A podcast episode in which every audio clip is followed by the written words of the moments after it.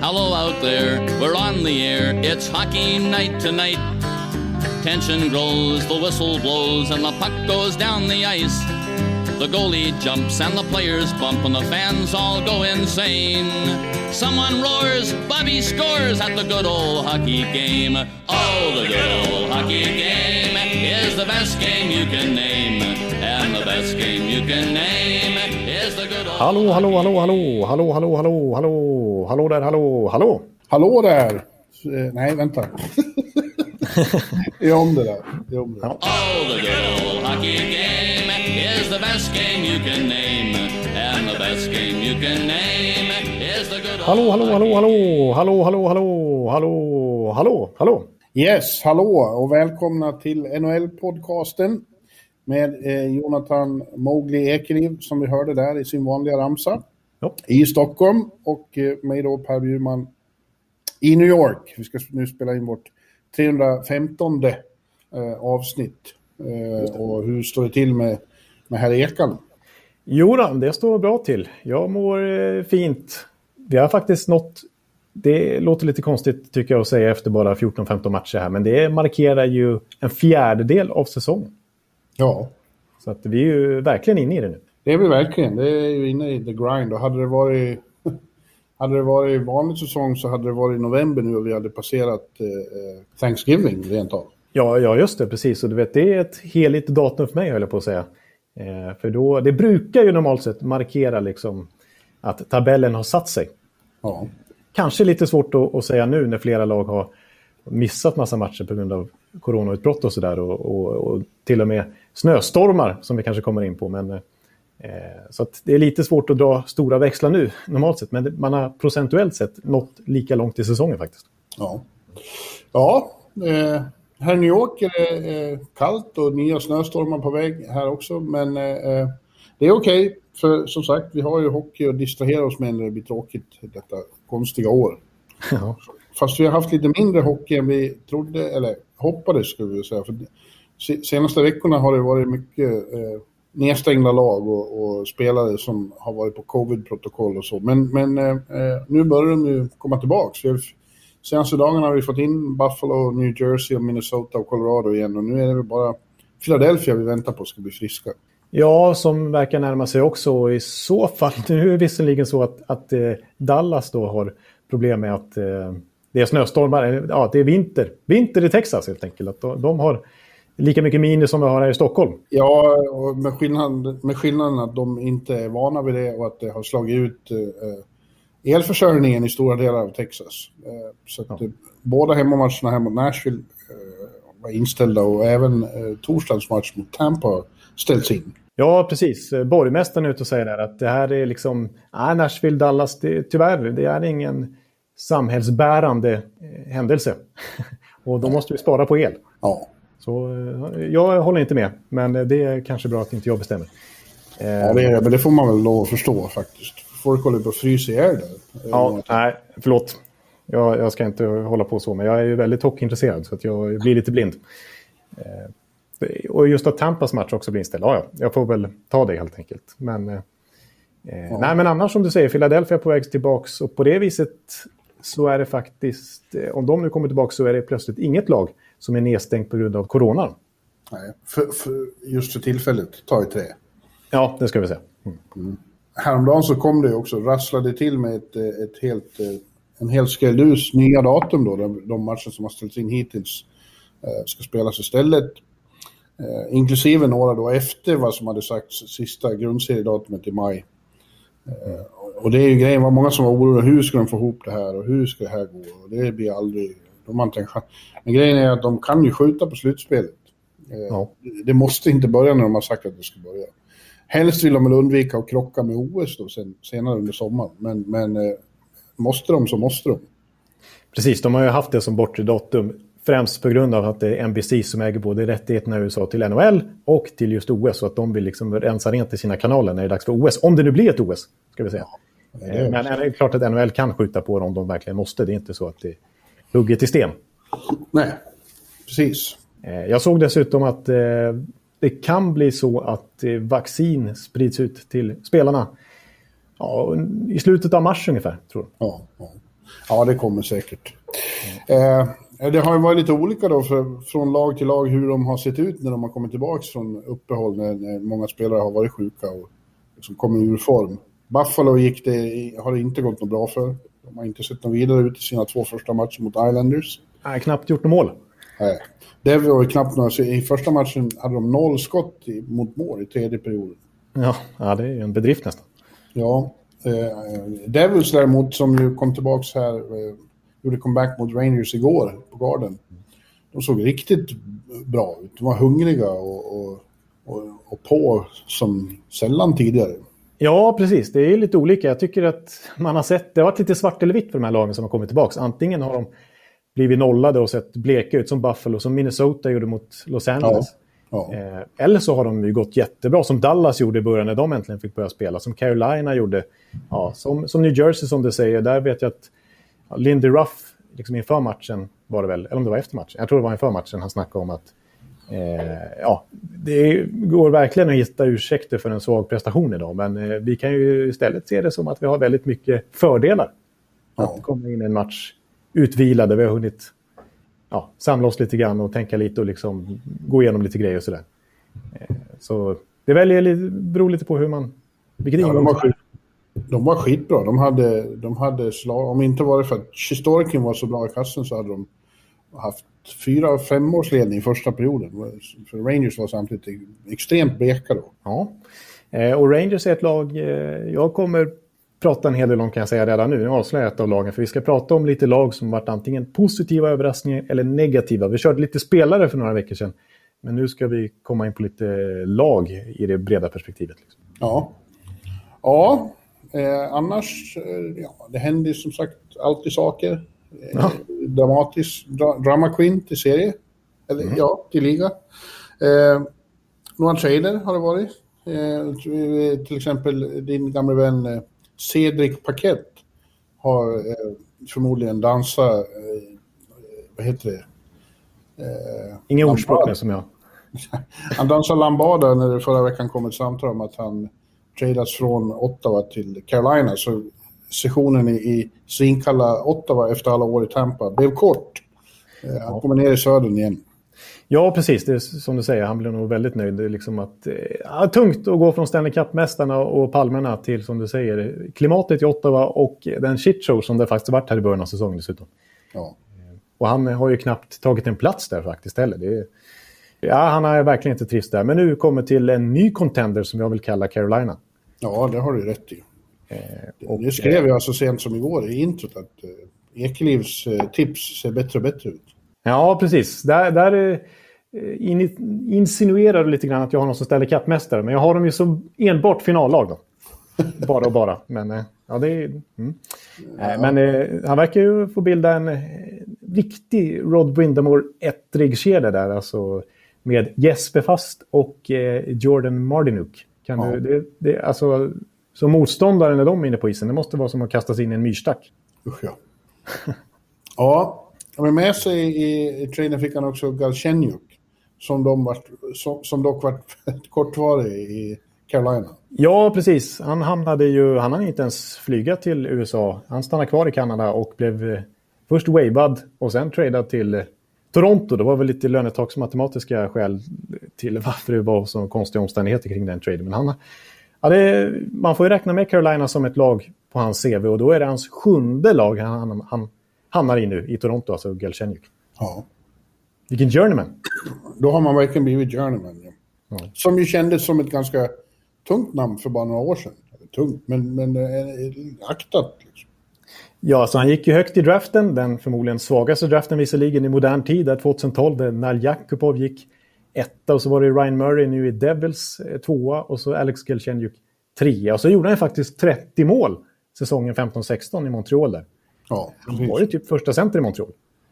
Eh, men eh, sen dess får man verkligen säga att det har gått ut för och, och många lag har gett upp på honom. Man, det är egentligen konstigt att han fortfarande har få chanser i NHL, men det är ju just på grund av det som du säger, att han, han var ju en gång i tiden ett aktat namn och sedd som en supertalang.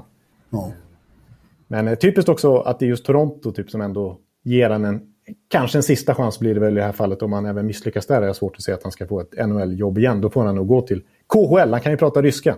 Ja. Men eh, varför just Toronto skulle vara, jag menar de gillar ju att ha sådana revival projects lite grann och, och, och lite så här spelskickliga killar i, i bottom six, alltså Jason Spetsa, de har, det varit Tyler Ennis, det har varit, de tog in Jimmy Vesey nu mm. inför den här säsongen. Det känns som att Galchenuk är ett nytt sånt projekt som Dubes vill lyckas med. Ja, det vill han säkert. eh, I andra riktningen gick ju då eh, Single tillbaka till Ottawa. Eh, Just det. Han försvann från Ottawa i den här traden till Columbus med Duchene. Ja, Just det. Ja, det stämmer. Ja, sen hamnade han i Carolina eh, där han inte riktigt har, har, har trivts. Och nu efter bara några år är han tillbaka i Ottawa, men som någon påpekade, sen han försvann eh, det året så är det bara tre eller fyra ordinarie spelare kvar. Det har haft en enorm eh, personalomsättning uppe där. Ja, verkligen. Alltså, det är... går inte att känna igen det laget. Alltså, framförallt om man jämför med det laget som Erik Karlsson ledde till eh, konferensfinal 2017. Nej, precis. Det är väl knappt någon kvar. Nej, det där, jag, jag blir alldeles paff när jag tänker på det där eh, året. Att de gick så långt. Ett mål från, ett mål från Stanley Cup-finalen. Ja, nu är ingen kvar i princip. Nej, det jag, kan, jag kan inte komma på någon. Ja, kanske Colin White om han... Han var väl knappt ordinarie på den tiden. Ja. Chabot eh, hade inte slagit igenom då. Nej, nej, det känns inte som att någon ordinarie, liksom, ordinarie spelare i det laget fortfarande är kvar. Nej, nej otroligt. Ja, ja. Du nämnde draften där. Eh, den kan komma att se lite annorlunda ut igen. Eller inte själva draften, men eh, vägen dit. Ja, precis. Det har varit snack i veckan och tidigare också, men det har blivit uppmärksammat i veckan om att eh, ja, vissa general managers vill se ändringar i draftlotteriet. Och nu har eh, pendeln svängt här. Nu är det helt plötsligt så att det gnälls om att eh, lag som inte ligger så långt ner i tabellen plötsligt vinner draftlotteriet. Typ som Rangers med Lafreniere här. Vi har sett Philadelphia som gick från 13 till andra plats och kunde ta Nolan Patrick. Eller Carolina ett år från 11 till andra plats så att de kunde lägga vantarna på Andrei Svetjnikov. Eh, och nu, är, ja, nu när Detroit har varit så dåliga i flera år och ändå bara inom citationstecken fått drafta fyra här med Lucas Raymond eller sexa med Moritz Seider. Eh, och att man då vill göra det lättare för de riktiga bottenlagen att faktiskt få första valen. Ja. Ja. Vad, vad säger Bjurman om det? Ja, jag förstår den impulsen och känna så, men, men det är en avvägning för ligan också.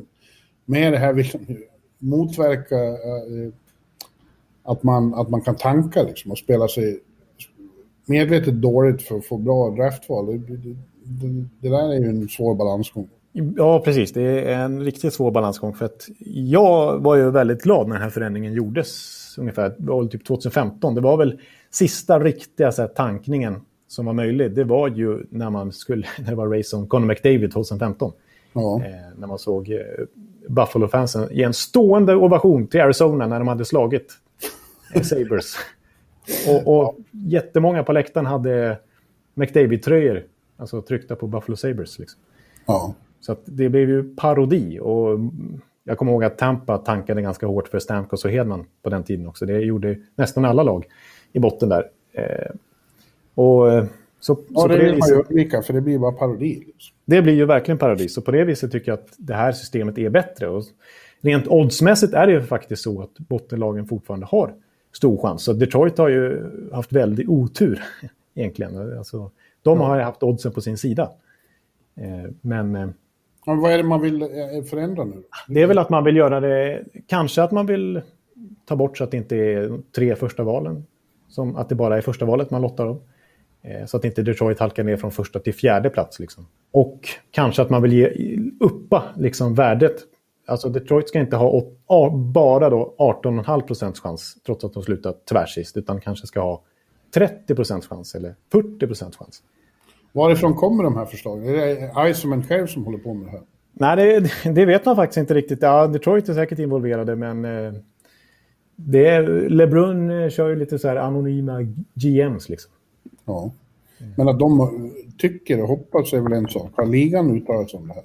Ja, Bill Daley har ju sagt att det här är på agendan och att vid nästa meeting eh, för general managers så ska det här vara en punkt. Okej. Okay. Så att det, det är på riktigt. Ja. Ja, vad mer då, uh, unge man? Ja, det börjar närma sig. Lake Tahoe. Lake Tahoe. Lake Tahoe, förlåt. När vi, när vi höll på och, och förberedde det här så sa du Tahoe. vi, ska, ska inte tro att du kommer undan. Vi, vi får prata om de här matcherna i Tahoe också. Varför är det så svårt att säga Lake Tahoe? Nej, jag vet inte. Det är lättare för mig att säga La Chenier. Ja. Än att säga Tahoe. Jag vet inte varför. Det, det, det, det, jag har sådana låsningar. Det är samma eh, som jag var inne på förra veckan här med typ Boca Raton. Boca Raton. Boca Raton. Boca Raton. Nej, jag kommer aldrig lära mig det. Jag har sagt fel fem år i rad. Ja. Vi måste ha en, en, eh, en jingel där du kör dina bästa uttal på Esposito, Labraten, eh, Tahoe. har du mer? Ja, vi har ju det här Bo Bogner, men det är nästan för... Alltså det, nu ja. vill jag inte säga vad jag sa. Då. Folk som har lyssnat på podden länge vet ju vad jag sa, men det är ju liksom vulgärt.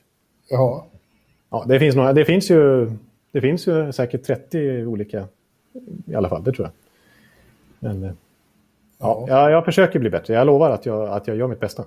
Men det är ju, du ska inte vara ledsen, det är ju bara kul. Ofrivilligt i så fall. Ja, labraten. Ja. Men du, eh, ja, vad, tycker du vi ska säga någonting? Vi lär ju prata om det, inte minst eh, nästa vecka då, när vi har sett det här spektaklet. Men visst är det eh, spännande och vi hoppas ju att Philadelphia är tillräckligt kuranta för att kunna vara med här i helgen. Ja, annars är det andra lag som står eh, beredda. Och, vad heter det? Vad heter det när man väntar på planet och man är standby? Ja, just det. Jo, men det, det kommer att bli väldigt speciellt därför att eh, utomhusmatcher är ju inget nytt. Eh, men det här blir en specialversion utan publik då, där själva eh, inramningen, miljön de spelar i kommer att spela stor, väldigt stor roll. Det är ju bedårande där i Lake Tahoe. Jag, jag, har, varit, jag har varit där och det är eh, en av USAs allra vackraste platser utan tvekan. Och då var jag där på sommaren, det är säkert ännu mer betagande nu med, med snötäckta bergstoppar och så. Och den där sjön som är så klar som en fjällsjö, den är ju i princip en sån. Ja, ja det var väl eh, Bellemare som var helt säker på att de skulle spela på sjön. Det hade varit ja. ännu coolare, men det är klart det hade varit lite risky. Där fick ju, det var väl Burakovsky som fick gå in och rätta honom där. Nej, vi ska spela på 18 hålet av golfbanan in till. Ja, ja jag, jag tror inte de törs spela på en sjö. Men eh, vackert, vackert blir det. Den, alltså, den där sjön, man kan köra runt den, man kommer upp på höjderna så är den som en smaragd. Man tittar ner på den. Den har en väldigt speciell färg och den är, när man är nära så är den så enormt klar. Man kan släppa ner eh, mynt så ser man dem på, på fem meters håll. Alltså den genomskinlig. Oj. Ja, det blir spännande. Det, det, blir ju som du säger en väldigt annorlunda rent settings också. Och dessutom när det inte är någon publik och stora läktarvalv så, så man kommer väldigt långt ifrån eh, kameravinkelmässigt så, så kanske det blir lite bättre tittarupplevelse också för att vara en utomhusmatch. Ja, jag tror det blir... jag tror att det blir någonting alldeles exceptionellt i tv. Och det, det, har ju redan, redan nu när de har undersökt eller hållit på och byggt det så har det redan börjat pratas om att det här blir ett eh, koncept vid sidan av eh, de stora arenorna så kommer man fortsätta med någon gång per säsong och ha en sån här match också som tv-happening i, i någon eh, exceptionell miljö. Och då har okay. jag funderat såklart på vilka det, det blir ju då typ i Grand Canyon och, och mitt i Central Park och så. Ja. Ja, eh, precis. det vore ju riktigt coolt. Men jag förstår samtidigt då att de kommer inte överge när det väl släpps in publik igen. De här riktiga Winter Classic-matcherna och så vidare. Och Stadium Series och allt vad de heter. För det är ju riktiga kassakor att ja, 90 000 pers på en match. Liksom. Ja, eller 110 som vi var på eh, i Big House i Michigan. Just det, det världsrekordet. Väl? Ja, ja, då var man ju där. Just det, det snöade som bara den här för mig. Ja, ja det var en, en stökig upplevelse. Ta sig därifrån och så, oj, jag vill inte prata om det knappt. Eller, eller den sista utomhusmatchen som hölls innan pandemin i Colorado Springs. Där var det kaos. Just det, där är inte ens, folk kunde inte ens gå på toaletten och sånt där var det väl? Nej, och det var ju kaos med parkering och så. Vi, jag vill inte tänka på det ens. Vilket elände det var. Ja, det var ett haveri, det kommer jag ihåg. Ja. Vet du, i, i, I bloggen igår så var det diskussion Eftersom det är så mycket bråk i Arizona igen, det glömde vi sa när vi eh, körschemat här. Katie ja. Strang har ju skrivit en, en lång eh, artikel i Athletic om, om den nya ledningen i, i Arizona och att det inte är någon harmoni där. Nej, den, jag måste läsa den artikeln. Jag har sett den och sen så liksom hade jag inte tid att plöja igenom den. Men den måste jag läsa för den har ju blivit väldigt uppmärksammad. Ja, de gick ut och klagade i Arizona också, men de tyckte det var ett, ett hitjob av Katie Strang. Och lycka till med det. Katie Strang är en av USAs allra bästa sportjournalister. Eh, ja. Dessutom god vän till mig. Hon är helt fantastisk. Ja, hon är ju extremt erkänd. Så att om hon, när hon skriver någonting så är det oftast väldigt legitimt. Liksom. Ja, men då var det såklart omedelbart snack om, om relocation, ta bort dem, skicka dem till Quebec. Eh, ja. Uh, och, och, då, och det ledde till diskussion om att eftersom vi nu har 32 lag när Seattle kommer in så lär det ju dröja väldigt länge innan det blir någon mer expansion. Det är svårt att se en liga med fler än 32 lag. Ingen annan har det. Nej, det blir ju urvattnat. Liksom. Ja. Men istället relocations och då vart det en diskussion om vart skulle jag helst se lag någonstans. Så jag gjorde en lång lista här. På, ja, jag såg den i bloggen. Mm. Ja, New Orleans är ju vad jag helst skulle vilja ha ett lag. För jag har ju bara utgått från var jag vill vara någonstans. Ja, precis. Och, och jag känner till att det är din favoritstad i, i staterna. Ja, ja kanske efter New York. Ja. ja, och Vegas. Och Vegas och Nashville. Och, och den heliga stan också, i Tampa. Ja, och, och Los Angeles. Ja. Ja, heliga stan. Ja, okej okay då. ja. Men New Orleans, Austin, San Francisco, Memphis, San Antonio, Houston, Kansas City, San Diego, Honolulu. Där skulle det bli ja, riktigt Hawaii. Hawaii hade ett lag. ja, spela Hawaii-hockey hela tiden. ja, ja, ja. Vill jag tillbaka till Atlanta, så Anchorage i Alaska. Ja, ja. Det skulle vara något. Eh, Tucson, Portland, Oregon, Milwaukee, Louisville, Al Albuquerque, Cincinnati, Indianapolis, Salt Lake City och Boise, Idaho. Och då har jag ändå försökt hålla mig något sånär eh, realistisk. Det går inte att vara i småstäder. Då hade jag ju haft lag i Palm Springs och Key West också. ja. Ett NHL-lag i Key West, det vore humor. Ja, det vore humor. Nej, det känns mer realistiskt med Honolulu. Ja, inte så väldigt... Inte så väldigt eh, men de kunde, de kunde ha en, en, något evenemang i Honolulu, tycker jag. Nu utom... Kan ha en sån där match, en sån där utomhusmatch kanske. Ja, precis. Det, det... Men av de eh, du nämnde där så, så är det ju ett i alla fall som det har pratats om en tid. Ja, för, ja, Quebec är ett, det nämnde du inte, men av de du hade med på listan så, så har ju Houston nämnt som ett... Eh, ja. Att Houston Rockets ägare, alltså NBA-lagets ägare, har hört av sig till Bettman och kollat om det går att och få, få in en klubb i, i Houston. Eh, de har ju arenan, de har all struktur på plats för att kunna eh, ja, dra igång det. Det är den största marknad NHL inte är på. Houston är väl... Eh, Stor-Houston är eh, USAs fjärde eller femte största stad. Precis. Så att där mm. finns det potential. Ja. Kansas City har också nämnts tidigare då, att det skulle bli ett eh, andra lag i Missouri. Att de skulle bli konkurrenter med, med St. Louis. Ja, de har väl sin fina arena Spring Center som det har pratats om länge. Att där skulle mycket, där förtjänar ett NHL-lag. Men det, nu är väl den arenan kanske 10, 11, 12 år gammal. så den är inte så ny längre. Och nu kom det samma problem. Städare skulle försökte ta sig in här i NHL-podden. Men ja. fick Hextall-blicken. Det blir en tradition. Ja, det är en tradition att det händer. Det är just den här tiden på dygnet när vi spelar in podd som det brukar städas här inne på redaktionen. Ja, men ge oss ett, ett hockeylag i New Orleans, säger jag. Eh, New Orleans Coyotes, det tycker jag låter bra. Ja, ja det vore coolt. Mm. Men eh, du, eh, ska vi ta det här som jag hintade lite om i början av podden? Med... Nej. Nej? Alltså, jag vill i anslutning till det också säga att jag, jag vill eh, flytta Panthers såklart från träsken i Sunrise in till Miami, helst Miami Beach. Eh, det skulle vara perfekt. Och så vill jag som sagt få tillbaka ett lag i Atlanta för det var så fint i Philips Arena. Ja, du är ju en av få, eller på att säga, Atlanta-vurmare. Ja, just för att eh, ja, stan är fin, men framförallt för att det är en väldigt bra arena som står outnyttjad. Just det, Philips Arena, gamla klassiska. Och det är ju en extremt expanderande stad, är inte det Atlanta också? Så det kanske har bättre förutsättningar nu än vad de hade för 15, 10, 15, 20 år sedan. Ja, men det var bara svårt att hitta en eh, rimlig ägare där tydligen. Ja. Det gick ju otroligt snabbt när de försvann, kommer du ihåg det? det ja, menar, normalt sett så brukar det vara en ganska lång och omständig process för att flytta ett lag, men det här gick ju på någon månad bara. Ja.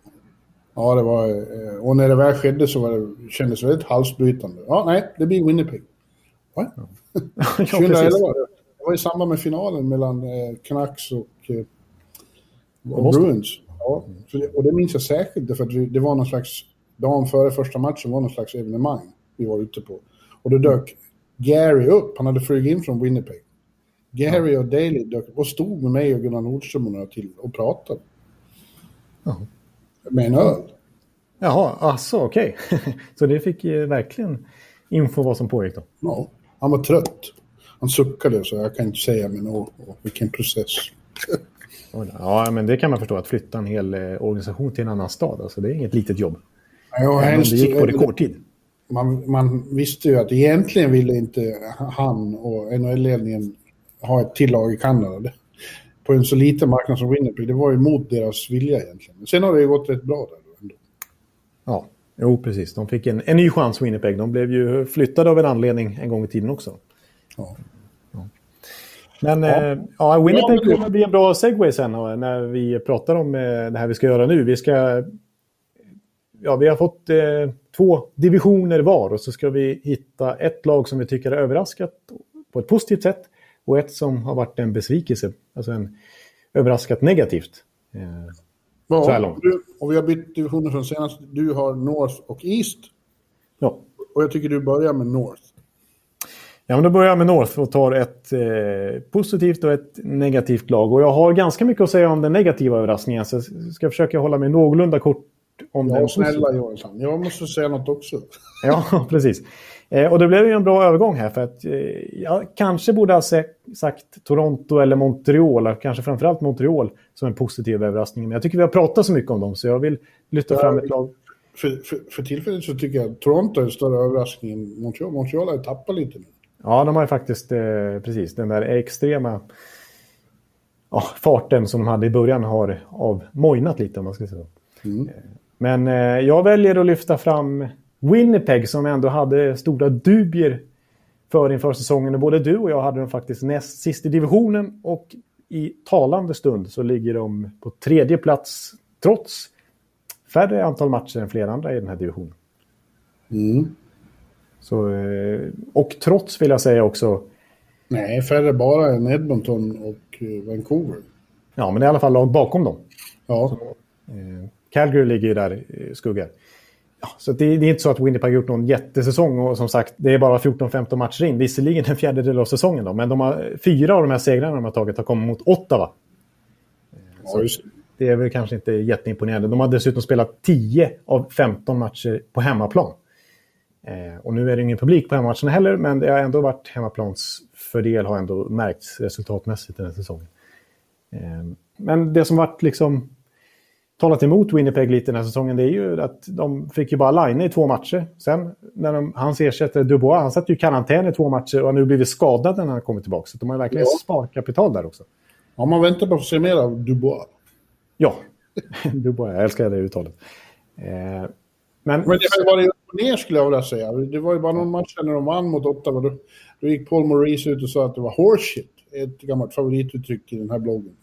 ja. We were horseshit och ändå vann de med 5-1. Det var ju, vad skulle DJ Smith säga då? ja, det är nästan ett hån.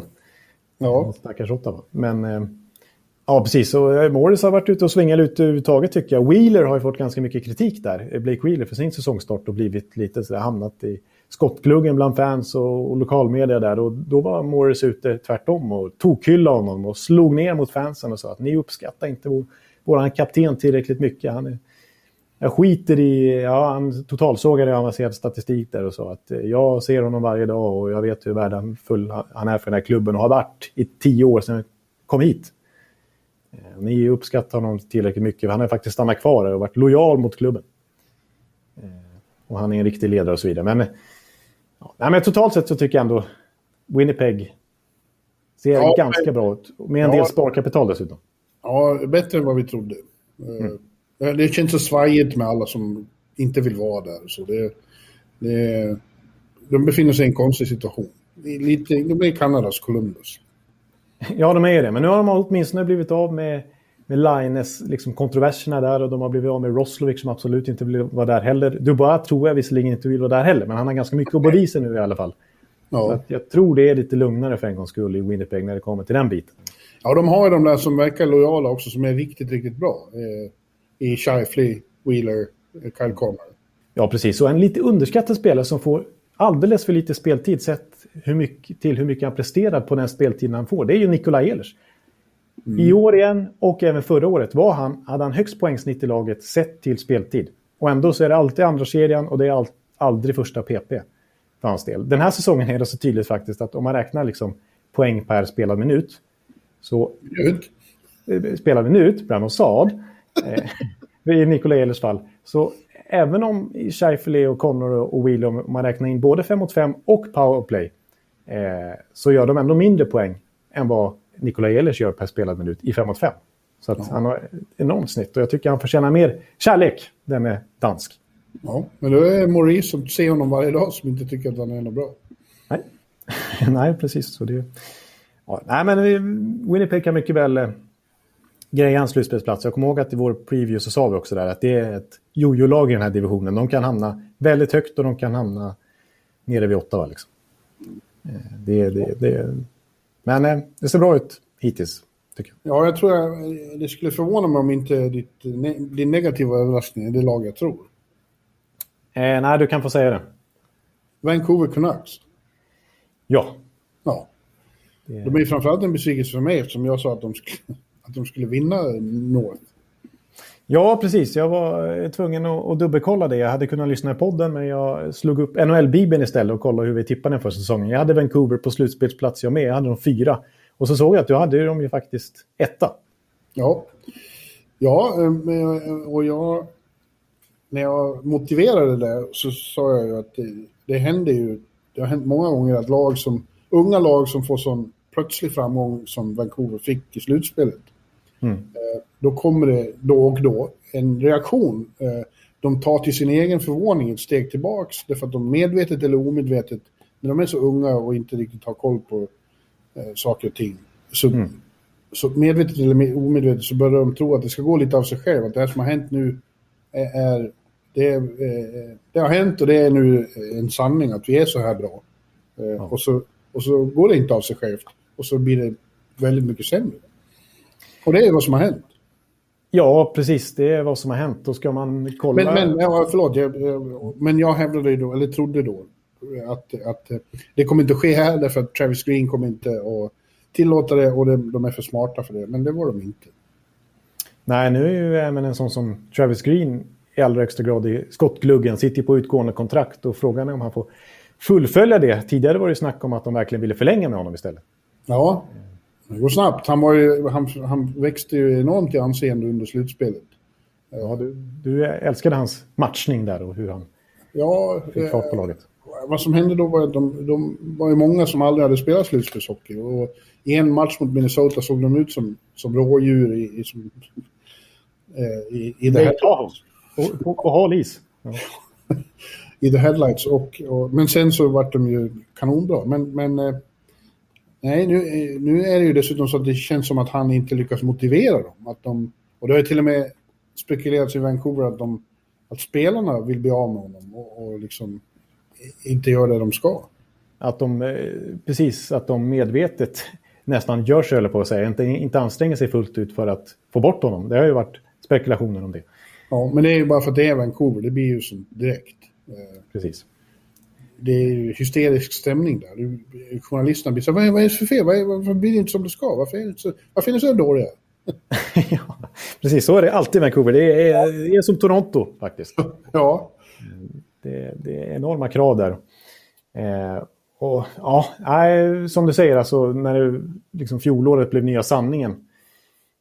Då var det ju faktiskt så att toppspelarna var extremt bra. Så Elias Pettersson fick ju ett, även om han gjorde ungefär samma poängtotal som första säsongen, klev upp lite grann i fjol, så drev han spelet på ett ännu bättre sätt. Var en riktig första center för dem. Och Quinn Hughes kom ju in som en riktig revelation och blev ju nominerad till årets rookie. Och, och liksom Bo Horvath blev ännu bättre som eh, liksom tvåvägscenter. Och det, var mycket, det var så mycket som stämde där just bland toppspelarna. Och då tänkte man att nu är de minst så här bra. De kanske kan ta ett steg till till och med. Mm. Men när de inte funkar, då har de inte så, så mycket där bakom som kan rädda dem heller. Så det är ju, de är väldigt beroende av de här spelarna. Och när de haft det så tufft som nu, då blir det, ser det ju så här dåligt ut. För att tittar man i det stora perspektivet över lagbygget så är det inte jättevast liksom. Bakom Pettersson och Besser och Horvath och Queen Hughes och sådär. Nej, men de fyra du nämner då, de, ingen av dem har ju varit i närheten av sin toppförmåga. Besser något sådär några gånger. Han gör ju mål i alla fall. Ja, och man kan tycka så här att Hughes, han har gjort en poäng per match som back hittills. Det är väl bra, men han har varit inne på mest överlägset flest antal baklängesmål 5 mot 5 i hela ligan än så länge. Jag tror han är uppe i 26 stycken och den som varit inne på näst flest det är Eric Goodbranson i Ottawa på 18. Eh, så det är, det, är, det är inte alls så bra. Om, kollar, om jag tar lite snabbt mina underliggande siffror så eh, om vi tar Elias Pettersson, hur han drev spelet i fjol, om man tar en sån grej som expected goals, ju, som jag brukar referera till, som man förväntade målövertag när man är inne på isen framåt respektive bakåt, så låg det på 57 procent för Elias Pettersson förra säsongen, vilket är en riktigt stark siffra. Nu ligger det på 44-45 procent. Mm. Så det förväntas göra fler mål bakåt när EP är inne på isen än framåt. Och det är ju inte smickrande. Nej. Det är ju klart att de där viktiga... Jag skulle vilja räkna in JT Miller i det där sällskapet. Kanske Tanner Pearson också. Ja. Eh, men grejen är ju att under slutspel så visst, de där toppspelarna är viktiga men, men eh, de bakom var ju också väldigt bra i den rollen som, som de ska ha. Alltså, djupspelare. Det, det krävs ju alltid det också om man ska gå långt. Ja, absolut. Och, och de, jag tyckte som Rosell och Sutter och Godet och Beagle och company mm. Eh, mm. var bra. Samtidigt nu då så sägs det att det är missnöje i truppen med att de lät vissa gå som var väldigt populära. Framförallt Markan då. Men ja, även... precis. De har inte alls samma målvaktsspel nu med, med Demko och Holtby har inte blivit någon succé. Nej. Men även eh, Tanner och vad hette han? Troy Statue? Ja, och så Tyler Toffoli då som har ja, verkligen straffat dem i Montreal-matcherna. ja, ja, jävlar vad han har öst in mål på. Ja, typ så här åtta mål någonting på Ottawa, eller på Vancouver han gjort. Det är helt sanslöst. Ja, och så har Marco varit helt grym eh, ja. när de har mött Calgary. Och de får sitta på presskonferensen och tala om sina gamla lagkamrater. Det måste vara plågsamt. Precis, och Tanner som de var inne på också gjort det väldigt bra i Calgary. Så att Ja, det har varit tungt. Det har ja, varit, nu är de där inte bra. Eh, sån som Jake Virtanen, han sägs ju att eh, karriären är typ slut. De tycker att han är usel. ja, det, det, är väl, och han, Adam Godet har det också varit lite trade-rykten på som ändå kändes spännande i fjol och, och liksom etablerade sig. Eh, men eh, samtidigt vill jag säga två saker. Dels de där spelarna du nämnde, alltså de, de är ju klistrade mot lönetaket. Så det var ju otroligt svårt att behålla Toffoli. Man visste att Markström förmodligen skulle, skulle lämna. Eh, alltså Tärnebo och så vidare. Det, det, var, det var svårt. Ja. Liksom. De hamnade ju klistret. Och det, då vill jag liksom zooma ut ännu lite mer och kolla egentligen på hela Jim Benning-eran sedan han tog över 2014. Jag ska inte bli för långrandig här, men det, det här är ändå vitalt för, för, för Canucks situation och hur de agerat och, och, varför de befinner sig i den här situationen nu. För att någonting som ändå varit genomgående under hela den här tiden som Benning har lett dem är att de... För sen han tog över, liksom, det var ju slut, de var ju i final 2011 liksom. Mm. Och då, sen började ju tappet komma och Sedinarna började bli för gamla och det pratades om i Vancouver att nu måste vi gå in i en rebuild här för annars så kommer det bli utdraget och jobbigt och Detroit-likt och sådär. Eh, liksom. Eh, men det, dels ägarna, det är liksom en, de, de vill vara competitive, de vill gå till slutspel och så här. Och dels Jim Benning ligger i hans natur också. Hans ledarskap att inte vika ner sig utan det, det ska, det, man ska minsann alltid vara competitive. Så att de har ju under hans ledning så har de alltid gjort liksom Alltså de har tagit in Lou Eriksson, de har tagit in på ett långt kontrakt. De har tagit in Brennan Sutter på ett långt kontrakt. De tar in Michael Furlan skriver långt kontrakt. De tar in Tyler Myers på ett långt kontrakt. Och det signalerar ju verkligen inte rebuild. Och Nej. Trots det, så från 2015 till 2019 då, så missade de slutspel alla år. Och eh, tog, det var bara Buffalo som tog mindre poäng under den, under den, under den liksom, tidsspannet. Och som sagt ändå väldigt många sådana här moves där de har ja, försökt liksom, förbättra laget och varit lite panikslagna på free marknaden och skrivit kontrakt med eh, hipp som happ. Eh, och det är ju det som är problemet nu, som gör att de tappar Markström, som gör att de tappar Tofolder, de tappar Tärnen, de har inte råd att behålla dem. För att de ligger klistrade mot lönetaket, för att de spenderar alltså ja, 25 miljoner dollar på spelare som knappt platsar. Till exempel Lou Eriksson, han är bäst betald i laget. Till exempel Brandon Sutter, han, är väl, han platsar ju, men är ju, han är inte värd nästan 5 ja, det är Louis, Louis har ju plockats in från Texas School här på slutet, spelar fjärde kedjan. Ja, men du ser, det, det, det, det är för mycket pengar på, på fel spelare. De har, ja, som jag har sett, att det, det har varit mycket kritik nu bland fansen att de har försökt cut the corners. De har försökt ta genvägar till framgång istället för att göra en riktig rebuild. Och en som ville ha en riktig rebuild, det var ju Trevor Linden, klubbikonen, som var president of Hockey Operations i början av Jim Bennings tid. Men han fick sparken. De ja, det var en ägare som inte vill uh, göra sånt. Nej, Nej precis. Så att det, det, är det som det är det som ändå biter dem i rumpan hela tiden och som gör att det är svårt att göra det här lyftet. Att de, de har inget manövring, manövreringsutrymme i, under lönetaket för att... Men jag, jag kommer tillbaka till, jag tror att eh, de här reaktionerna jag pratar om, det är ett stålbad att gå igenom. Sen, blir det, sen kan det bli bra igen, det tror jag. Jag, jag tror att det finns mycket potential här. Ja, det, det, ser vi också. För samtidigt under de här åren så har de lyckats drafta Elias Pettersson. De har lyckats få in ja, draftat Bo Horvath. Ja, Bo Horvath var tidigare, men Brock Besser. Ja, Quinn Hughes naturligtvis. Det, det, det har man ju draftat väldigt bra. Ja, och Thatcher Demko såg vi vad han kan eh, när han kom in i slutspelet. Eh, ja. Eh, det är svårt att vara på den nivån hela tiden, men han har en högsta nivå som är enorm. Och en, Precis. Och en ljusglimt för dem, mitt i allt det här negativa du drar fram nu, är ju att Nils Höglander har varit en succé sedan han kom. Och jag imponerar ju väldigt på många, inte bara med, med sin skicklighet, utan att han är en, är en som krigare och, och kan det defensiva spelet, spelet utan puck så bra. Det, det tar Travis Green hela tiden. Det brukar ta tid att få eh, spela med sån skill och, och, och göra det obekväma jobbet, men Höglander är suverän på det. Precis, ytterligare ett, ett jättebra draftval av dem. Så det måste de verkligen uh, lyfta fram att de har gjort. Men, uh, men det vill jag komma fram till också som gör att det är lite oroväckande på sikt här. Det här det är ju att oh, de här spelarna som är de bärande och viktigaste spelarna i laget, det är typ de billigaste. Alltså Quinn Hughes och Elias Pettersson kostar mindre än 2 miljoner dollar ihop. Eh, de har ju fantastiska kontrakt som om några år, ja, ganska eh, kort tid, eh, löper ut med Bo Horvath, med Brock Besser och så här, eh, som är billiga. Liksom. Så att de här, eh, liksom deras viktigaste spelare i laget kostar ungefär 13 miljoner dollar sammanlagt. Alltså när de riktiga kontrakt ska börja gälla, då snackar vi ju att de ihop kommer kosta upp mot 35-40 miljoner dollar. Och då blir det ju ännu svårare att omge dem med ja. skicklig bredd. Men de, de kommer ju ha gjort sig av med till exempel Louis innan dess. På, på ja, Ja, precis. Men det är fortfarande något år kvar på Louis. Det är många år kvar på Tyler Myers. Alltså, så det är lite svårare än vad det ser ut att vara kanske. Ja, ja du är väldigt negativ. We, we, we get it. Ja ja, det jag vill komma fram till är, och jag pekar alltså på Benning och på ägarna då. Jag pekar, det är mest där jag, jag är negativ och, och, och, pekar finger höll jag på att säga. Ja. Breaking news. Jag, jag, jag, jag råkade titta på Twitter och Henrik Lundqvist har just lagt upp för fyra minuter sedan här Eh, en bild när han står ute vid, efter Hudson River.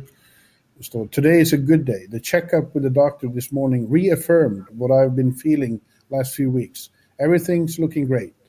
It energized me so much I had to go out for a run.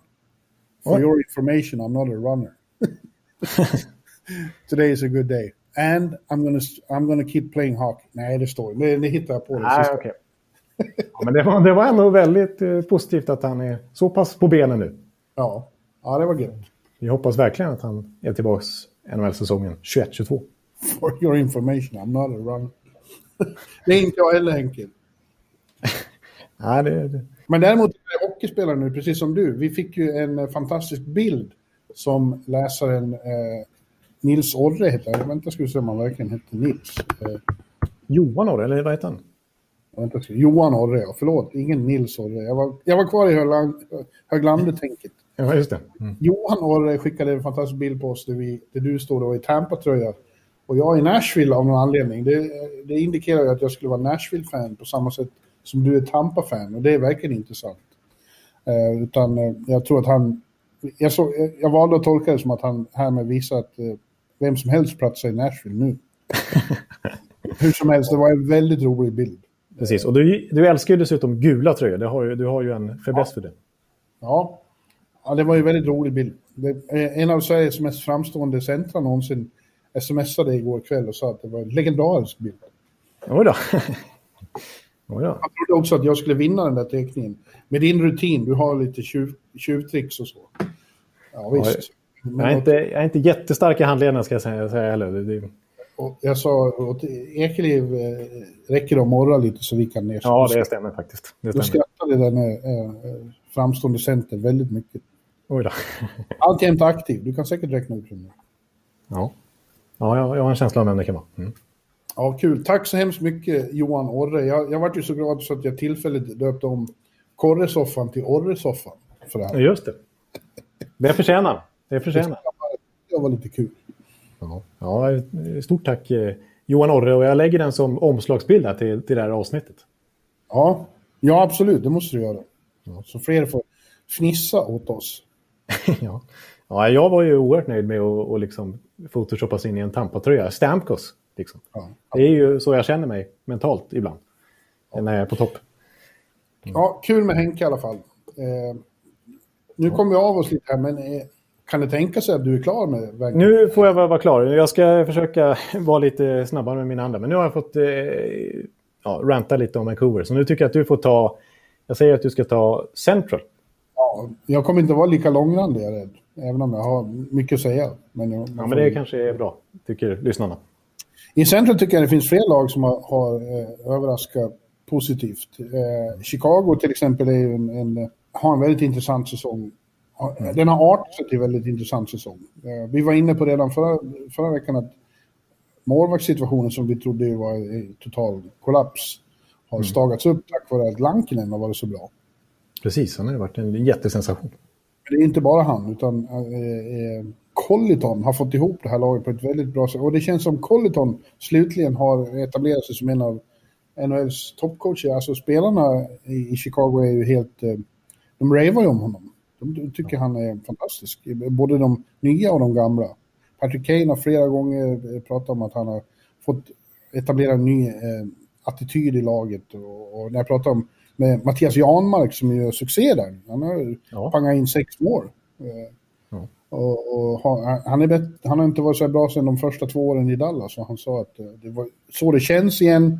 Alltså dels har jag fått självförtroende, dels är det väldigt skönt med en coach som inte är inne och petar så mycket. Han låter mig spela som jag vill. Ja. Eh, men det är fler där. Det är, det är, Söderberg kom in bra. Eh, flera av de unga killarna. Det är, The Brinket har ju fått en eh, bounce back. Ja, och, och får inte ta en Kane själv. Alltså, så här långt är det ju eh, Hart, Hart Trophy-klass på Kane. Eller nominering i alla fall. Ja, han, är, han, han öser in poäng. Han, ser inte gammal den mannen. Nej, precis. Han ser fortfarande liksom alltså, så här, inspirerad ut på något vis. Ja. Alltså, alltså, han tycker, det är, tycker det är kul. Liksom. Ja, det, han verkar tycka det är kul med alla de här unga som kommer upp. Han tycker om att leda dem. Det är helt uppenbart. Jag vill också så, hylla lite grann Duncan Keat faktiskt, som jag tycker har varit, spelat sin bästa hockey på fyra fem ja. år. Ändå är det inte de jag har som nummer ett som positiv överraskning här då. Nej. så vi kanske inte ska uppehålla oss bara kring dem då, utan det är Florida då, Panthers, som i och för sig hade förhoppningar om att det, att det skulle bli mycket bättre än i fjol. Och det har det verkligen blivit och det har ni i Tampa fått känna på nu, även om du var lite frisig och satt och sa att ja, för dem är det här så viktig match, för oss är det ingenting. Nej. Eh, de vann en serie om match, tre matcher där så vann Florida två och Tampa en.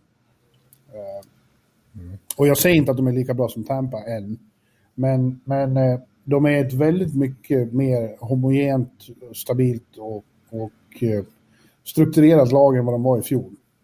De här nyheterna i det här laget har varit enormt, haft enorm effekt. Ja, alltså jag är lite förvånad att man tittar framåt forwardsmässigt att, att eh, de har lyckats så bra med tanke på spelartappen de hade. Jag tänkte, det blir ändå svårt att ersätta Mike Hoffmans mål och Jevgenij Dadonov och sådär, men de har ju sett bättre ut offensivt med dels Wennberg och Hörnqvist, svenska duon, som formar en, en väldigt fin andra kedja med Jonathan Huberdeau där, men också Carter ja. Verhage och Anthony Duclair och sådär. Ja, Verhage har ju varit ett stort utropstecken. Eh, Mm. Man saknar inte Dadonov, tack vare Nej. honom. Men även längre ner, sådana som Vertrano och Tippet. Absolut, men, men offensiv har de ju haft. Den stora skillnaden är att som de såg på före, att vi måste bli svårare att spela mot, jobbigare att möta. Och det har de ju blivit. De är ju bra defensivt nu också. Ja, det är rätt att du säger det faktiskt. För att eh, de höll ju till verkligen i toppen av målligan förra säsongen. Florida och ändå så var det så svajigt. Men det är ju verkligen defensiven som har stagat upp sig där. Eh, framförallt Quenvilles system har börjat sätta sig nu efter ett år. Eh, ja. Men också individuellt, en sån som Aaron Ekblad spelar ju sin bästa hockey nu. Och som varit inne på flera gånger, liksom, vissa backar, det är ju en gammal klyscha att backar tar längre tid på sig att etablera sig. Och kanske inte minst storväxta backar som, som Hedman krävdes det fyra fem år innan han verkligen exploderade i NHL. Och nu börjar Ekblad komma upp i den åldern. Och är en ledare på ett annat sätt nu. Ja. Ja, så har de för Samuelsson som coach. Det tror jag inte är någon icke-faktor här. Det tror jag betyder en del. Precis som hand om backarna istället för Mike Kitchen. Eh, Quennevils gamla högra hand som fick sparken för att han sparkat på spelare och sånt där. Ja, just det. Ja, Strålman eh, hyllar ju Uffe och säger att det, han tyckte han var enastående att ha redan i Rangers och han är mycket nöjd nu också. Strålman som sänkte er häromdagen. Ja. Det var ett väldigt snyggt mål. Ja, jag har svårt att ogilla Strålman då, trots att han spelar i ärkerivalen nu. Men... Ja. ja. Konstigast med det här är ju dock att eh, det är fortfarande inte så att Bobrovski har kommit upp i närheten av sin kapacitet. Nej. Uh, ofta så är ju han Chris uh, uh, Dryger. Ja. Ja, där är uttalsproblem igen. Ja. ja. som står. Och, så det är ju, det finns ju sparkapital om, om Bobrovski börjar spela sin, på, på toppen av sin förmåga. Då är, då är, det är kul. Men jag, jag tycker dessutom det är väldigt roligt att titta på Florida. De har en jävla energi. Mm. Och det är, det är bängarna, så man får, man får inte underskatta Patrik Hörnqvist. Han, Nej, hans förmåga att lyfta lag han kommer in i. Ja, när jag pratade med Strolle efter den där eh, segermålet så han, eh, han kunde inte sluta prata om Hörnqvist, hur bra Bengan är på att få andra att spela, sin, bli bättre. Liksom. Han verkligen jagar på alla och, och hans krigarmentalitet sprider sig. Han tillåter inte att ingen har sam, mindre passion än vad han har. Ja, då blir han ju sur. Ja, han säger till vem som helst. Jag såg, det var, någon, det var just Ekblad var uppmickad i något, något, något, eh, någon sekvens här på, på, på deras hemsida. Mm. och, och de stod inför någon teckning och man hörde inte vad Bengan sa, men man hörde Ekblad svara. Yes, yes, I'm always ready. som, som man förstått Bengan sagt. Är du, är du redo nu då? Är du redo? ja, han är ju sån. Duracell-kanin är nästan liksom under, underkant. Ja. ja och sen har de toppkvalitet top i Barkov och Huber Over Hagee. Ja. Nej, de har, det börjar pusselbitarna verkligen falla på plats där. Det, det, det är få, nu med ganska få svagheter faktiskt. Ja. Det, det är målvaktsbiten som kan höja sig lite. Ja, ja nej, men jag, jag, det är väldigt synd att det inte är vanlig säsong så att man kan åka ner och hänga med, med svensk, med svenskarna. De verkar ha det väldigt trevligt också. Wennberg tycker ju till exempel att det är ett sånt enormt lyft även liksom, vad gäller stämningen runt laget, att det är ett sånt kompisgäng. Mm. Och, det är inte har, underskattat. Nu är han skadad, men Gustav Forsling kom ju dit och var bra också innan, innan han blev skadad. Så det är fyra svenskar där som har haft, eh, hängt ihop och, och, och skapat ett eh, litet mini-Detroit där. Kanske. Ja, det ser man. Ja, jag är lite rädd för dem nu. Mm. Lillebror ja, det, det skulle kul att det blir, ändå får du väl hålla med om, att det blir lite prestige i, i Florida-derbyna. Precis, och det kan mycket väl, eftersom att det är divisionsslutspel här nu, för första gången bli ett slutspelsmöte mellan de två Florida-lagen också. Ja, det skulle vara helt fantastiskt. Då kanske det har lugnat ner sig lite så man kan åka ner och hänga och bara åka mellan Sunrise och Tampa. Ja, det är ingen dålig resa. Ligga och köra med, oj vad härligt det skulle vara. Oj, oj, oj, oj. Ja, då måste, jag, då måste jag ta mig över Atlanten också. En annan dröm var ju en gång att köra mellan Tampa och Nashville i en final.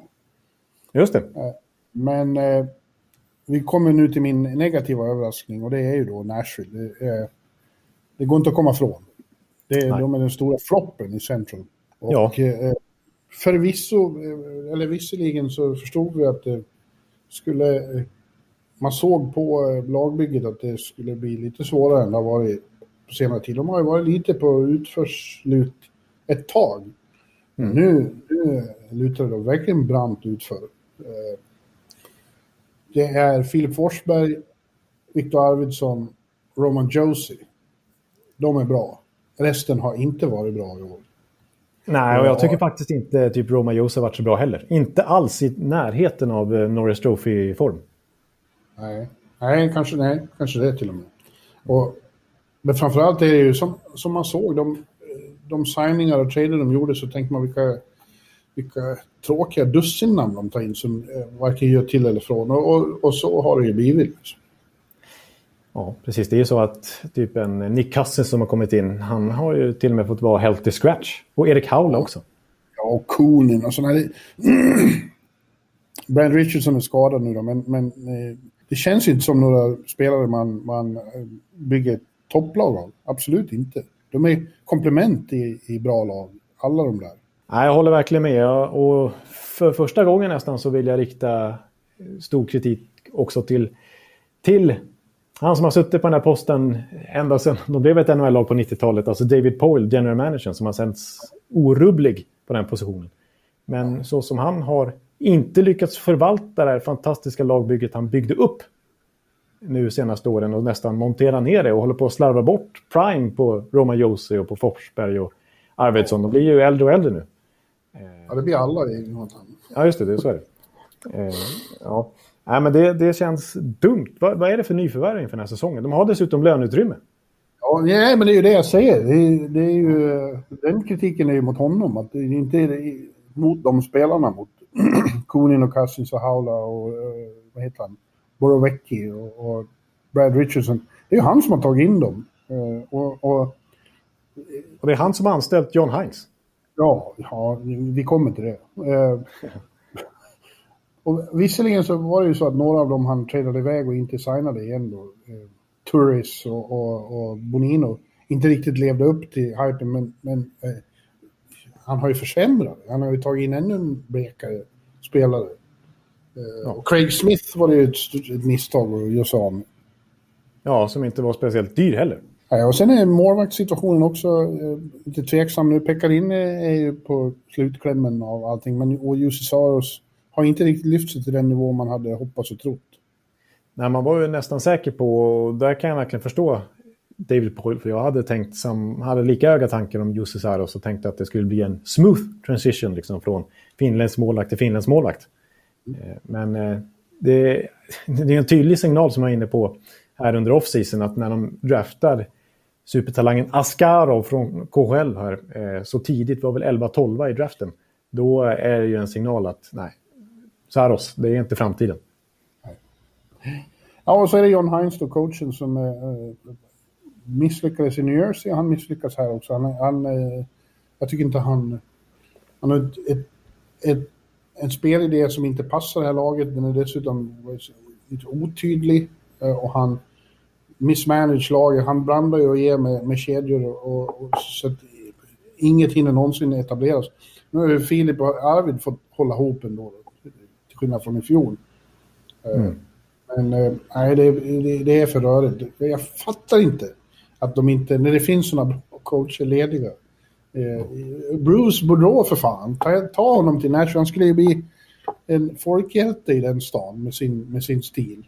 De skulle älska honom i, i Nashville och spelarna skulle älska honom och han skulle göra honom till en härlig offensiv maskin. Ja. Ja, det känns otroligt oförlöst just nu, detta Nashville-lag. Alltså, ja. Frustrerat. Det, frustrerat. Det, man ser när de inte lyckas slå Detroit och så. Det, det, det ryker i näsan på Filip Forsberg. Nej. Nej. Så att, och där måste det verkligen hända någonting. Synd, för Filip har ju varit bra. Han har gjort sju mål i detta inte, inte bra lag. Mm. Det är bara Becker. Han och Beckers leder svenska målligan ändå.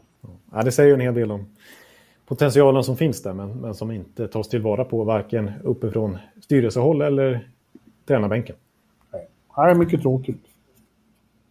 Eftersom jag nu ingår i laget också med min ja, just det. gula tröja. Ja, ja, det för hade för sig varit en förstärkning tror jag nästan. Ut med Nick Kastens och in med Per Bjurman. Ja, Ja, visst. ja, vi, vi skulle spela väldigt långsam hockey då, tror jag. Ja, men det skulle vara bra på snacka liksom. Dra på dig utvisningar på motståndarlaget. Ja, jo, ja, jo, absolut. Det skulle vara bra omklädningsrum. Mycket humor. ja, just det. Det skulle det vara. Ja. ja. Men eh, då hoppar vi vidare till nästa division. Då. Ja, och det är du då som ska ta en titt på eh, East, va? Ja, då är det dags för East Division här. Och det här är lag som vi redan varit inne lite på här i podden. Och, eh, sådär faktiskt i, i början. Men eh, positivt så... Ja, jag hade lite svårt att välja där för att jag tycker många av topplagen där förväntade man sig skulle ligga topp. Jag var lite inne på att ta Boston som ändå tappade Krug, tappade Chara. Fick inleda säsongen med Pasternak på skadelistan en längre tid. Och ändå ja. så ligger de i toppen där och, och, är i princip lika mycket maskin som de var i fjol. Ja, och, och inte nog med att de tappar Chara och Krug, de ersatte dem ju inte riktigt heller. Nej, exakt, utan eh, en sån som Charlie ju, håller nästan på att blanda sig i Norris Trophy-diskussionen skulle jag säga. Eh, ja. Så som han har steppat upp. Ja. Eh, men eh, jag väljer faktiskt, och Pasternak sen han kom tillbaka. Alltså. Han, oh. Skulle han spelat hela, hela tiden här så skulle han ha hotat McDavid och Dreisaitl i poängligatopp. Pasta på menyn igen, som de säger. Ja, precis. Men jag väljer ändå, trots att man inte har sett dem spela så mycket, och speciellt inte sista veckorna, men du fick se dem på Madison Square Garden i, i alla fall, och jag väljer att, att lyfta fram New Jersey. Ja, vad kul! Mm. Det är som du säger, man har sett för lite av dem, men det man har sett har varit verkligen en, en, eh, en positiv upplevelse. Ja, de, de är energifyllda. Ja. De, de, spelar offensivt faktiskt.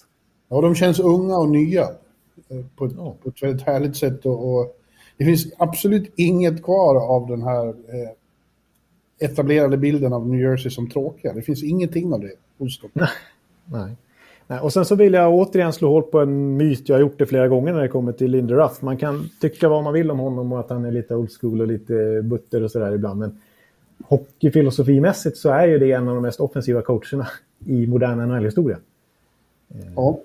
Han är, han, det är ofta en väldigt bra sprutt på hans lag och han får ofta fart på unga, unga spelare alltså. Sprutt gillar jag, det är ett härligt ord. Ja, ja precis. Som jag varit inne på, liksom, hur han fick fart på Briere, Affinogeno, Vanek.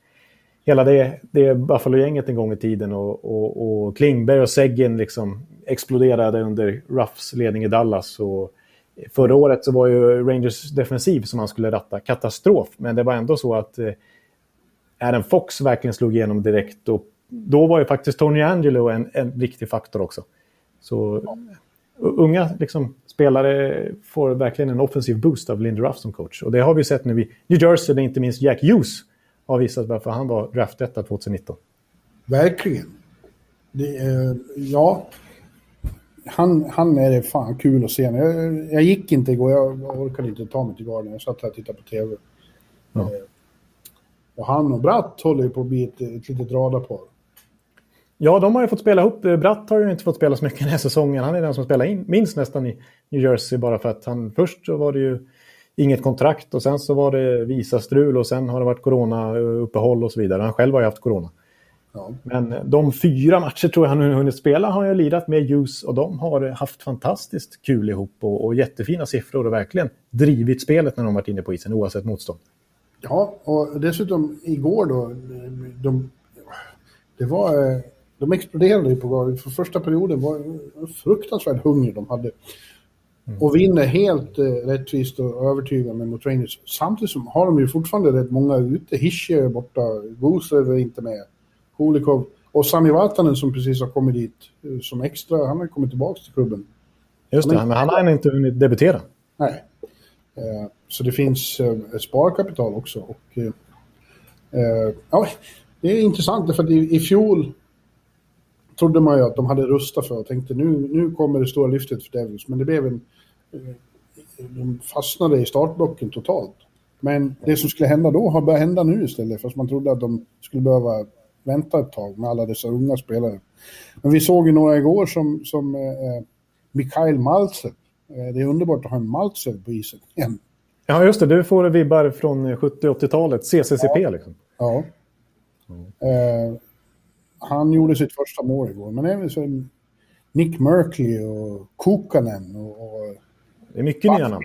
Ja, mm. men de är, de är bra. Ja, och de får spela.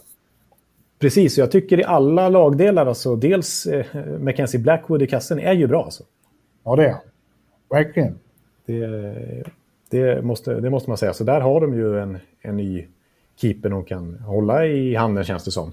Eh, och om man tittar på backsidan också, det är ju framförallt framåt man har hittat många utropstecken, men på backsidan har de ett väldigt stort i Ty Smith. Mm. Eh, som ligger där på, delar faktiskt poängligaledningen internt med Jack Hughes på åtta poäng hittills på tio matcher.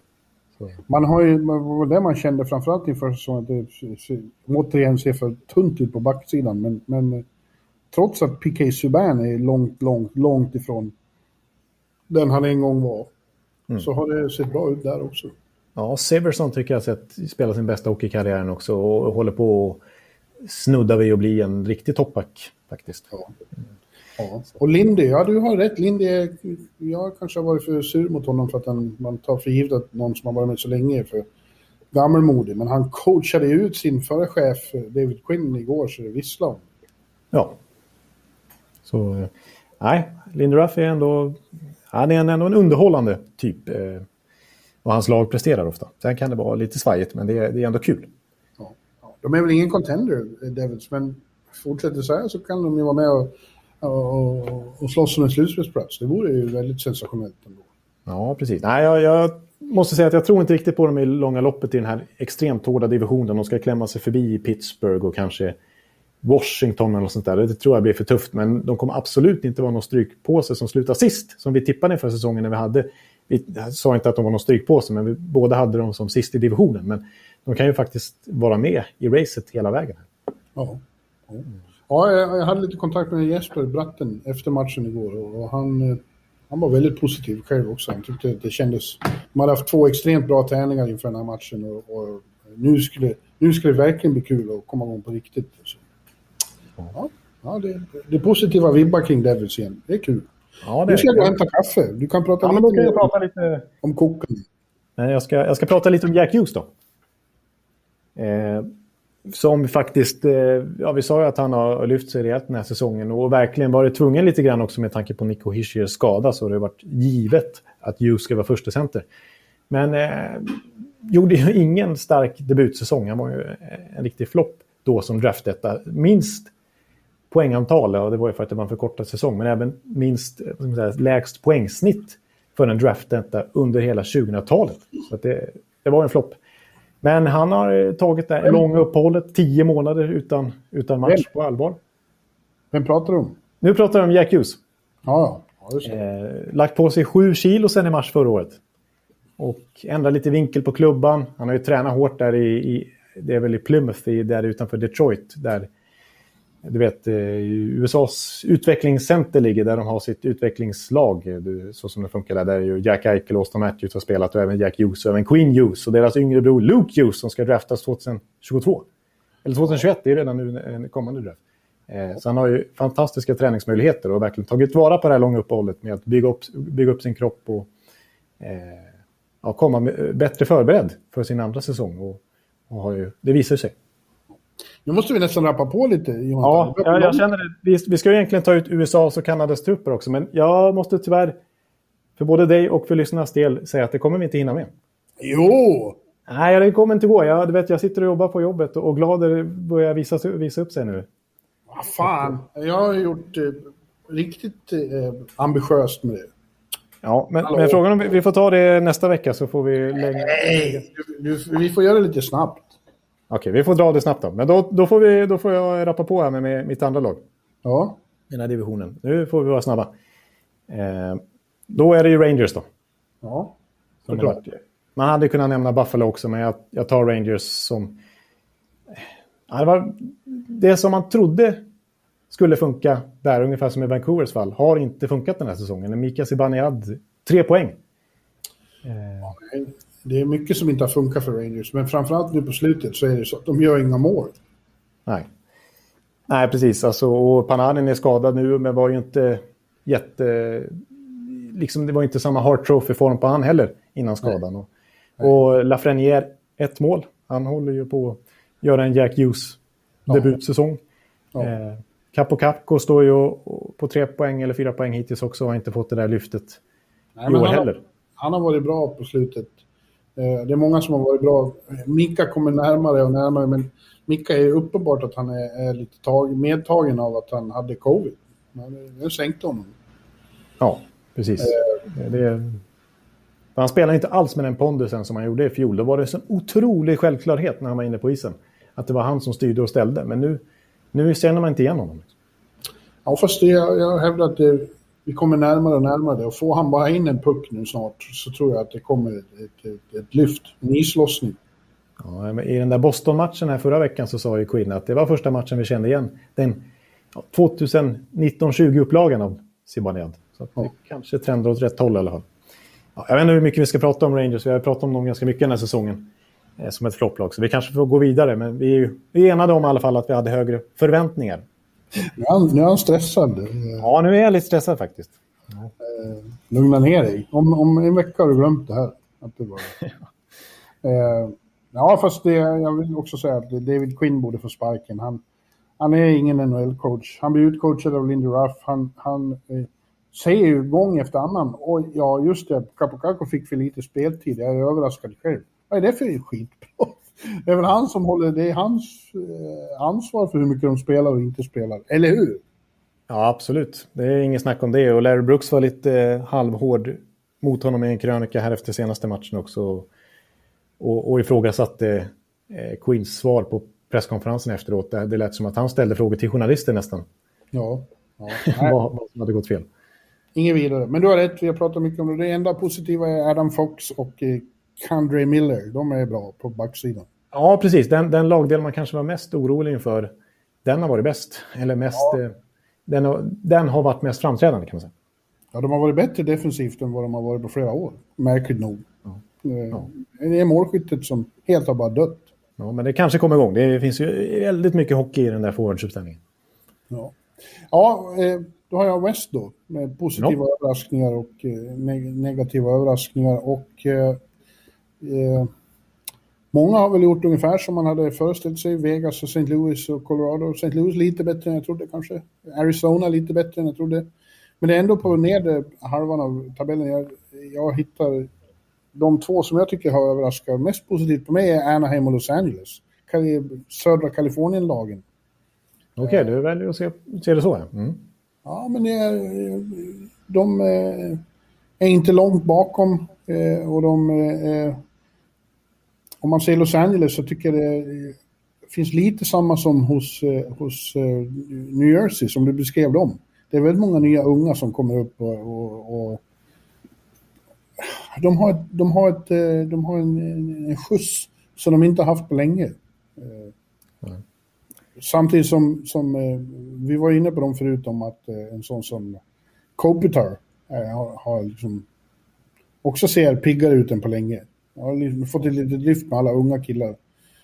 nu är det en sån som, som uh, vad heter han nu då? Jarrett Anderson Dolan. Som ja. är ett ganska nytt namn för mig och uh, tillsammans med Carl Grundström har varit riktigt, riktigt bra i deras tredje kedja ett par matcher. Ja. Nej, jag, jag vill ju hävda, och det sa jag också i previewn inför säsongen, att de har en skicklig coach i Todd McLellan som fick ganska bra fart på dem i fjol också. Deras underliggande siffror var betydligt bättre än vad deras slutresultat var. Så att ja. sånt brukar ju bära frukt i längden och, och vi ser ett, ett, ett, ganska slagkraftigt Los Angeles-lag i år trots allt. Men jag väljer ändå Anaheim då för att eh, eh, och kommer till, eh, tillbaka till New Jersey i det fallet också, fast New Jersey 1995. De har återuppstått i Orange County. som är en fantastisk defensiv maskin. De vinner ju matchen, när de vinner så vinner de med 1-0. ja, det är lite märkligt. Eh, och din gamla favorit eh, Dallas Eakins ja. har, har helt uppenbart lyckats sätta ett helt nytt defensivt system där. Som är väldigt effektivt. Och är väldigt effektivt. De, de halkar ju efter lite, men, men eh, eh, de, har, de har gjort om det här laget. Eh, och det har blivit bättre än vad jag trodde att det skulle vara. Om det, om det går att förstå. Ja, jag förstår. Eh, och John Gibson är väldigt... De har ju en bra keeper, så är det ju. Verkligen. Eh, men ja, jag vill inte dra... Jag tycker att Anaheim brukar börja ganska bra och att de brukar släppa in ganska lite mål i början. Och jag kommer ihåg det. Det var ju visserligen under Randy Carlisle-tiden då, så hade de en, Ja, en liknande start och sen så brakade det upp till slut. Ja, det kanske det gör, men, men eh, så här tajt har de aldrig spelat eh, som de gör nu. Nej, det är det är ett bättre samlat försvarsspel och inte, det är inte bara tur liksom, utan det här är ju struktur. Ja, med Hampus och, och Shattenkirk och Fowler och Hackenpää som tunga, tunga pjäser där bak. De, de gör det mycket bättre än vad, vad jag trodde att de skulle göra. Jag hoppas de kallar upp Trevor Seagraw, alltså JVM MVP'n, som ju eh, öser in poäng i AHL. Eh, Ja. Att de ska ge han chansen och, och där har de offensiv kapacitet, offensivt sparkapital och enorm potential. Ja, eh, men eh, eh, jag är över, positivt överraskad om. Eh, Vi stannar kvar i Kalifornien för negativa överraskningar också. Inte för att jag trodde att de skulle få något jättelyft, men jag trodde att de skulle vara bättre än vad de har varit. Det är San Jose Sharks. Mm. Eh, det känns väldigt vingligt där. Ja, det gör det onekligen. Eh, det är ju framförallt så... De har ju NHLs sämsta målvaktssida och det är ju ingen grund att stå på liksom. Nej, Nej det sa ju till, till och med Buffner, din gamla favorit, gick ju faktiskt Ja. ut och sågade Marty Jones ordentligt efter en match här. Så att det är inte up to NHL standard. Not up to our standard. Not up to his standard either, I'm sure. Så de tror att nu när Dubnik kommer tillbaks så kommer Marty Jones att hamna i taxi score och så är allt över. Precis, exakt. Det har varit rykten från lokalmedia där att han ska wavas. Ja. Martillo. Så- Men det är inte bara han. Eh, det är ju tråkigt att behöva säga, men, men Erik har inte riktigt varit på den nivån vi hade trott när han var utvilad, hel och frisk. Eh, han har sett lite omotiverad ut och jag, jag har ju en känsla av att det är familjemannen Erik, nu är han ju skadad igen, då, en underdel av kroppen, är allt vi vet. Eh, men att det, det har plågat honom svårt där med att vara från familjen så mycket. Det är vad jag tror faktiskt. Nej, inte, inte eller Brent Burns har inte varit liksom den gamla Brent Burns heller. Nej, men eh, Erik är ju bäst betald back i ligan och det, det, San Jose förväntar sig mer för de pengarna. Precis, när man upptar så stor del av det totala löneutrymmet då krävs det ju verkligen att man är en starkt bidragande spelare. Och på den nivån har han ju inte varit. Han har ju en enormt mycket högre nivå i sig tidigare i karriären än Erik Karlsson. Ja, han säger det, han har ju sagt det själv också, det här är inte vad vi vill ha mitt spel.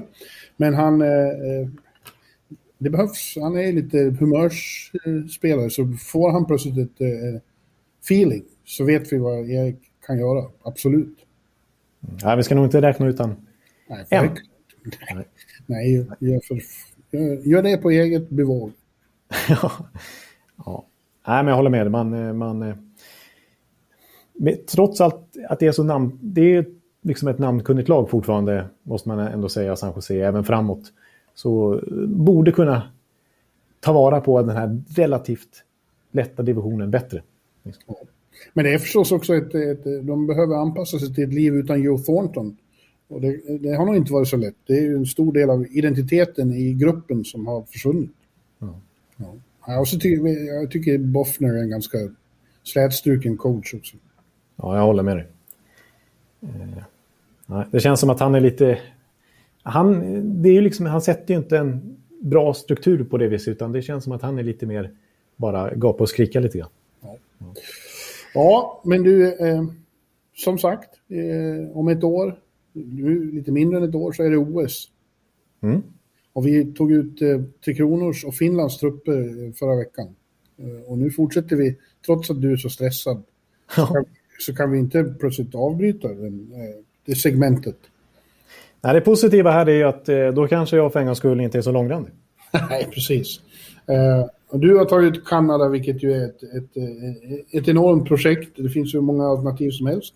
Jag har tagit USA och under tiden blivit väldigt... Eh, spärrat upp ögonen över vilket bra lag USA får på pappret.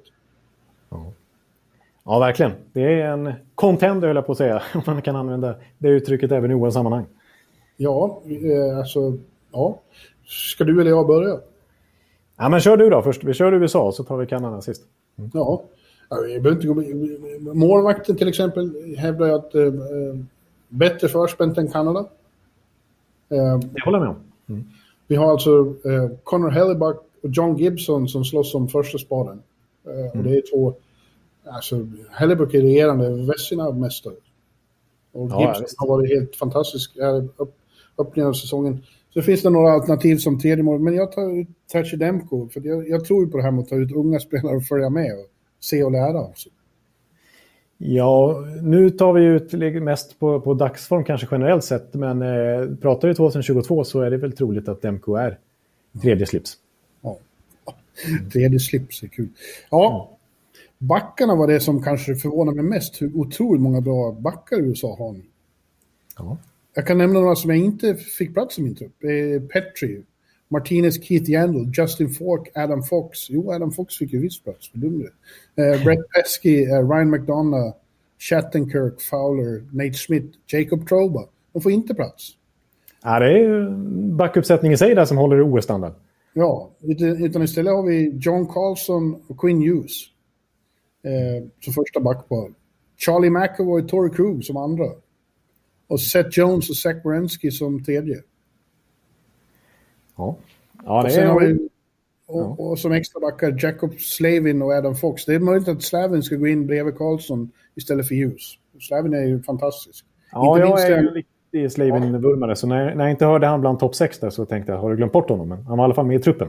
Ja, han är, det, det, jag laborerar lite där, men han kanske, men om ett år kanske Quinn Hughes är, ja, vem vet. Men, men vilken backuppsättning, eller hur? Seth Jones och, och Zach Wrensky som tredje backpar. Ja, eh, halvdålig säsongsöppning nu, men bara för en månad sedan så pratade vi om det som det potentiellt bästa backparet i hela ligan. De är ju samspelta och, och gjorde en kanonsäsong i fjol. Eh, så visst, det, jag håller verkligen med. Och, och Hughes har jag gnällt över här nu och att han varit inne på 26 baklängesmål hittills, men ändå gjort en poäng per match. Har han faktiskt gjort. Och det, där finns det enorm potential. Och vilken skridskoåkare. Ja, och gamla, och gamla Boston-polarna McAvoy och Crew. Är inte dålig heller. Nej, och McAvoy hyllade det här och sa som en tidig Norris Trophy-kandidat. Och John Carlson hade det med där också som, som vann backarnas poängli, poängliga i fjol. Så att, eh. ja. Ja. Det var inte alls lätt att peta folk i, i på forwardsidan heller. Det finns väldigt många bra alternativ. Men jag har satt mm. ihop fyra kedjor här som jag tycker känns väldigt spännande. Mm. Eh, vi har den första som är med viss Chicago-känsla eh, i. Där Alex DeBrinket och Patrick Kane spelar ihop med Austin Matthews. Oj, oj. Ja, där finns det bra skyttar får man säga. Ja. Vi har Winnipeg-kedjan, kan vi kalla den. Där Kyle Connor och Blake Wheeler spelar med Jack Eichel. I andra kedjan. Ja, det, det är inte du. Det är Nej, det är riktigt starkt. Mm. Sen har vi lite äldre kedja. Eh, som kanske ska vara fjärde kedja. Jag vet inte, men jag har satt upp den som tredje där. Eh, Max Pacioretty och Phil Kessel tar jag ändå ut. Och de, Okej, okay, det är lite skräll. Ja, och de har Joe Pavelski som ankare inne i mitten där. Ja, det var en gubbkedja får man säga. Men eh, Pavelski har varit stekhet i början av den här säsongen. Så han är given i det amerikanska laget just nu i alla fall. Jag tycker Kessel ändå är, är fin. Ja. och sen en, en, en fjärde kedja som är en yngre igen då. Där har vi Johnny Gaudreau och Brock Baser med Dylan Larkin. Ja, ja. Larkin tycker jag gör det bra i ett Detroit som ju verkligen eh, kämpar i botten. Ändå gjort det lite bättre efter första veckan här. Eh, inte varit liksom tagit några skalper. Och mina två extra spelare är den unge Jack Hughes och Kevin Hayes som är användbar på så många olika sätt. Ja, han kan spela i bottom six eller top six eller boxplay eller ytterforward eller vad som helst. Så det, det, tycker jag är en bra uttagning. Trevor Van Riemsdyk saknas här då. Han kanske ska vara med. Han har ju varit väldigt het i början av säsongen. James, men... James Van Riemsdyk. James, förlåt. Det var brorsan där som du höll på att kuppa in. Ja, men eh, nej, det här är mitt lag. Ändå bra, eller hur? Det här ja, det är, det är, fyra bra kedjor. Och, och, och, tre bra backpar och bra målvakter. Mm. Johnny Gaudreau är fjärde. Det är, det är inte, ingen dålig bredd. Men det kanske är tredje kedjan det och den där gubbkedjan blir fjärde kedjan. Ja, jag tycker jag, jag, jag, jag köper... Vilka saknar du? Ja, nu måste jag tänka vilka vi har spontant. Jag har liksom inte... nu har jag inte jänkarna framför mig här. Jag har ju bara tänkt på... Nej, det, nej det, det, det, måste jag erkänna att det, det går inte. Jag har inte... Jag har ju bara tänkt på, på Kanada, vet du. Eh, Ja, Jag har tagit den förbundskaptensrollen. Så att, Petri kanske skulle vara med. ja, med tanke på Petris form här så... Nu har han inlett den här säsongen. Eh, Jag tycker även... Jag vet inte om han ska gå in på sexbackar när det är så enorm konkurrens. Men en som jag har varit väldigt imponerad av hittills är faktiskt Justin Falk i St. Louis. Ja, Jag har honom i mitt fantasylag, så jag gillar honom väldigt mycket också. Ja. Ja, men Sen har vi JT Miller, kanske. Cam Atkinson, Trocek, Dvorak, Farabee, Gensel. Gensel? Gensel, ja. Mm, och jag tycker även du nämnde... Ja, JT Miller kanske då, Som också är lite så här allt-i-allo-gubbe man kan använda. Ja, det finns alternativ också. Mycket bra. Men inte lika många alternativ som i din trupp. Nej, alltså du kan ju tänka dig vilken huvudbry jag har haft. Ja, Ja. Det här har inte varit... Det, här, det, här, det här skulle kunna vara det roligaste man kan göra att ta ut Kanadas trupp. Men det har varit, det har varit plågsamt Ja. att försöka komma fram till det här. Eh, Hur jag ska formera kedjorna och vilka... Alltså det är sådana brutala namn man petar så att man mår ju dåligt. Liksom. Eh, Man, Ja. man känner sig dum, liksom. Taskig. Ja, var inte dum Jonathan. Det passar inte dig. Du kan inte vara elak. Jo, det kan du på ett, eh, eh, ett eh, passive aggressive sätt. Men det, Ja, det, ja du, du, du hävdar ju det. Ja. låt höra. Vilka målvakter har du? Ja, målvaktssidan är ju som du säger inte lika imponerande tycker jag som USAs. Eh, Nej. Inte som Rysslands heller som vi väl kommer komma in på det kanske nästa vecka. Men eh, ja, jag tycker nog ändå att Care Price fortfarande är första keeper. Ja, han är väl det. Eh, och sen har vi en formsvag Carter Hart, men eh, jag har sett ändå han som tvåa. Mm. Ja, men han kan bli, vid det laget kan han vara ett, nummer ett. Precis, pratar vi 2022 så är det ju eh, goda chanser att Carter Hart slår som första spaden, så är det ju. eh, Sen har vi ju på dagsform i tredje valet just nu så väljer jag att ta gamla ärrade Mark-André Fleury. Ja. ja. Men det finns ju alternativ. Alltså jag tycker faktiskt en sån som Mackenzie Blackwood är aktuell 2022. Darcy Kemper då? Darcy Kemper är ju habil onekligen och Jordan Binningtons 2019-slutspel eh, stärker ju hans aktier. Han eh, sänkte dem ordentligt med sitt slutspel 2020 men eh, studsade tillbaka ganska bra i år igen här med, med St. Louis. Så han är väl absolut aktuell som en av tre också. Holtby kommer inte att vara... Nej, han, han är borta nu. Eh, ja, men som sagt, jag har tagit ut Price, Hart och Fleury i nuläget. Ja. Ja. Eh, sen tar vi backarna och där är jag ju typisk eh, sådär som Doug Armstrong som är general manager för det här laget i Kanada OS 2022, St. Louis-bossen. Han kommer ju gå mycket på left och right på backarna. Så det är så jag har delat upp dem. Och ja, jag tycker det är jättesvårt. Jag tycker det är jättemånga jämbördiga här så det känns otroligt svårt att veta hur man ska lägga upp det. Men du, får väl höra då hur jag har. Jag läser bara upp dem så får vi kommentera sen. Mm. Eh, första backpar har jag faktiskt Shea Theodore och Alex Pietrangelo, Vegas. Ja. Sen har jag Morgan Riley och Cale McCarr. Eh, Och sen kommer kanske ett lite skrällbackpar där. Riktigt shutdown-par har jag tagit ut. Darnell Nurse och Shea Webber. ja, verkligen. ja. Och sen så som ytterligare backar här så har jag även eh, Dougie Hamilton och en personlig favorit som eh, inte får så mycket kärlek utanför Minnesota. Jared Spurgeon. ja, just det. Var med jag måste påpeka, jag glömde, Ryan Suder kom ju inte med i mitt lag. Han har ju varit amerikansk nummer ett back i år efter år. Men nej, Ja. i år fanns han inte. Okej, det var... Ja, precis. Det är lite statement också. Alltså, jag petar ju mycket av det äldre gardet här. Alltså en Drew Ja, det- Doughty, en Brent Burns, en Chris Letang, en Mark Giordano. Alla kanadensiska journalister som har tagit ut det laget har envisats ta med Drew Dowdy. Jag tycker det är lite gammalmodigt tänkt. Ja, tycker det är han är ju fortfarande skridskoskicklig och sådär, men jag, det, jag känner ändå inte att... Det finns roligare alternativ. Ja, nu tycker jag att de här unga killarna som finns nu med McCarr, som du nämnde, Samuel Girard är också, borde vara aktuell. Precis, och en som jag länge hade med och som jag till slut bara petade, det var ju faktiskt Thomas Chabot också. Ja, fin. Ja, Fin kille. fin kille. Ja, precis. Och jag eh, gillar ju verkligen Ryan Ellis också. Får höra dina backpar igen. Ja, det blev Theodore Pietrangelo. Riley McCarr. Nurse Webber. Spurgeon Hamilton. Spurgeon är ju en skräll. Ja, den skrev. Men det är ju, alltså, Minnesota älskar ju honom där och han blev ju kapten istället för Ryan Suter. Och det, han har, hans underliggande siffror är ju enormt bra år, år till år. Och de behöver ju inte bara, de skulle, man skulle kunna ta ut åtta powerplaybackar här. Men Ja. eh, de behöver ju lite dynamik också. Så det, är, det är lite så jag har tänkt och jag har tänkt left-right också. Men de kommer ju sådana som eh, Ekblad och, och Precis. Giordano kommer att vara aktuell. Och, och, de du nämnde, Letang och, Weber, eller eh, Burns. Ja, och Chabot kommer säkert vara med också. Men eh, ja, jag, jag, jag har tittat mycket också på att många av de här som jag tog ut eh, har väldigt bra siffror i 5 mot 5 också. Subban kommer inte att vara aktuell. Det är ju tråkigt som profil. Ja, nej, han är ju väldigt långt ifrån. Ja. Ja. Nej, men det, det, det, det, det, är ju inte lika sprakande som forwardsidan, den här backsidan. Men oj vad de har alternativ i alla fall. Jag hävdar att USA har bättre backar. Ja, jämbördigt, eh, minst ja. i alla fall. Ja. Men forwardsidan, Ja, nu kommer det. Nu kommer det. Oj, oj, oj. Och här kommer jag få skit tror jag för hur jag satt ihop de här kedjorna från folk. För det finns så många kombinationer man, man kan leka med det här. Och jag har tror du skissat, verkar på skit? Ja, men det, jag har skissat fram kanske fem olika alternativ som är helt olika i balans hur jag har byggt upp de här kedjorna. Men jag får väl stå för det jag till slut kom fram till. Ja. Eh, Så att eh, här får jag nästan snabbt köra en, en kort motivering efter varje kedja.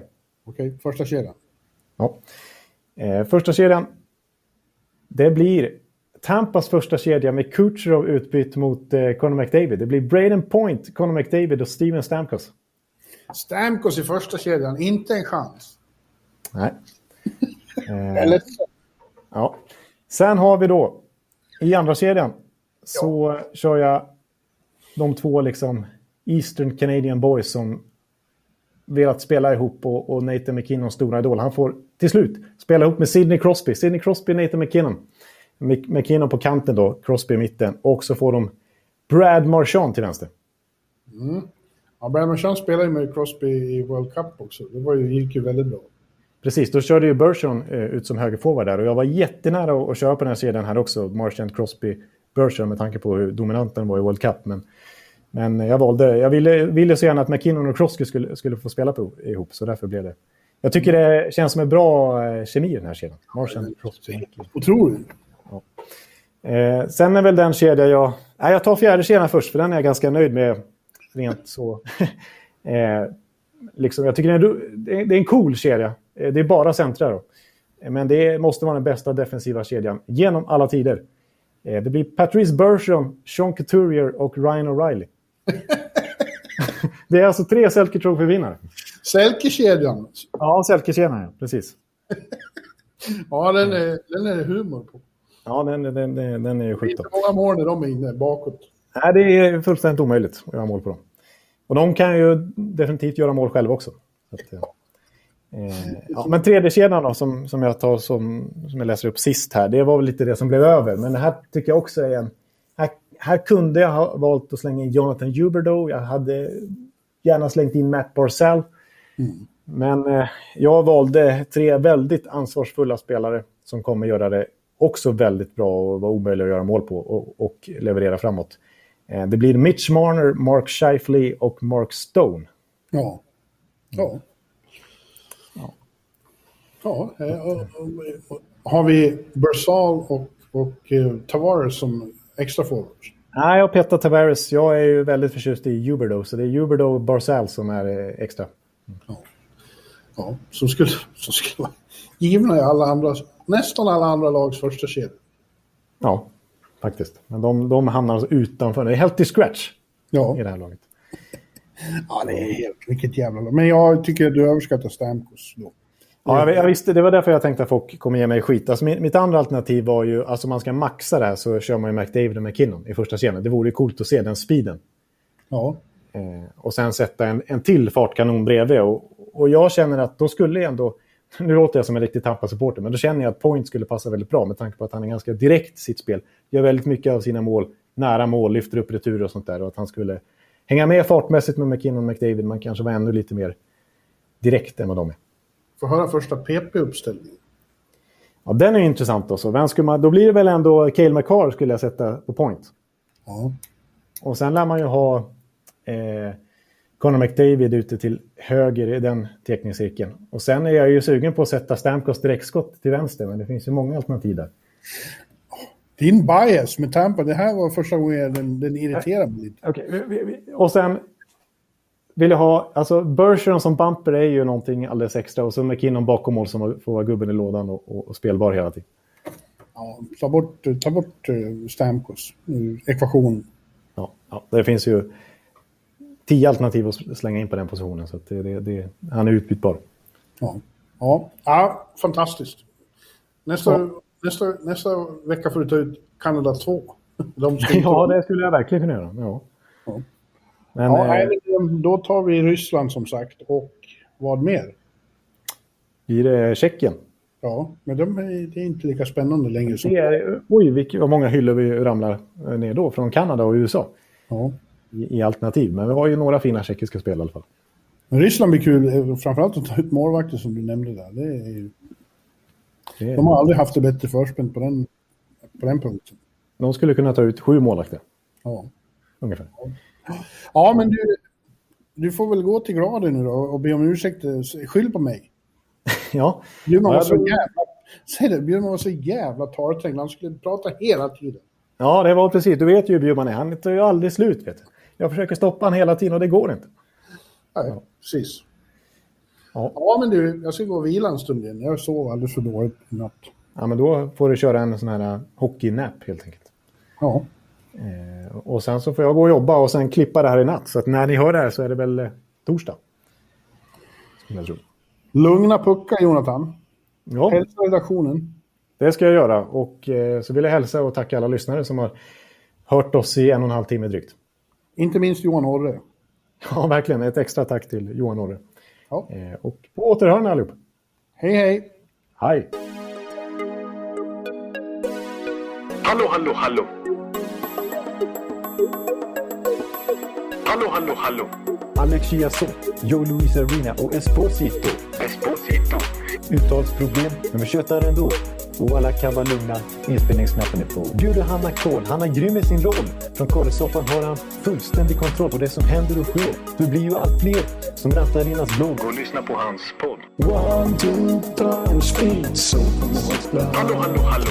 One, two, time, speed, so Hallå, hallå, hallå. Ekeliv, som är ung och har driv. Verkar stor och stark och känns allmänt massiv. Han hejar på Tampa och älskar Hedman. Sjunger som Sinatra. Ja, och där ser man. Nu är det dags för refräng. Dags för magi, Victor Norén. Du är ett geni. Så stand up at home and remove your hats. Höj volym, för nu är det plats. One, two, time, speed, so Hallå, hallå, hallå. One, two, time, speed, so Hallå, hallå, hallå. One, two, time, speed, so Hallå, hallå, hallå. One, two, time, speed, so Hallå, hallå, hallå. Det er utroligt længe siden mor, der samtidig også har råd. Hallå, hallå, hallå. Det er utroligt længe siden mor, der samtidig også har råd.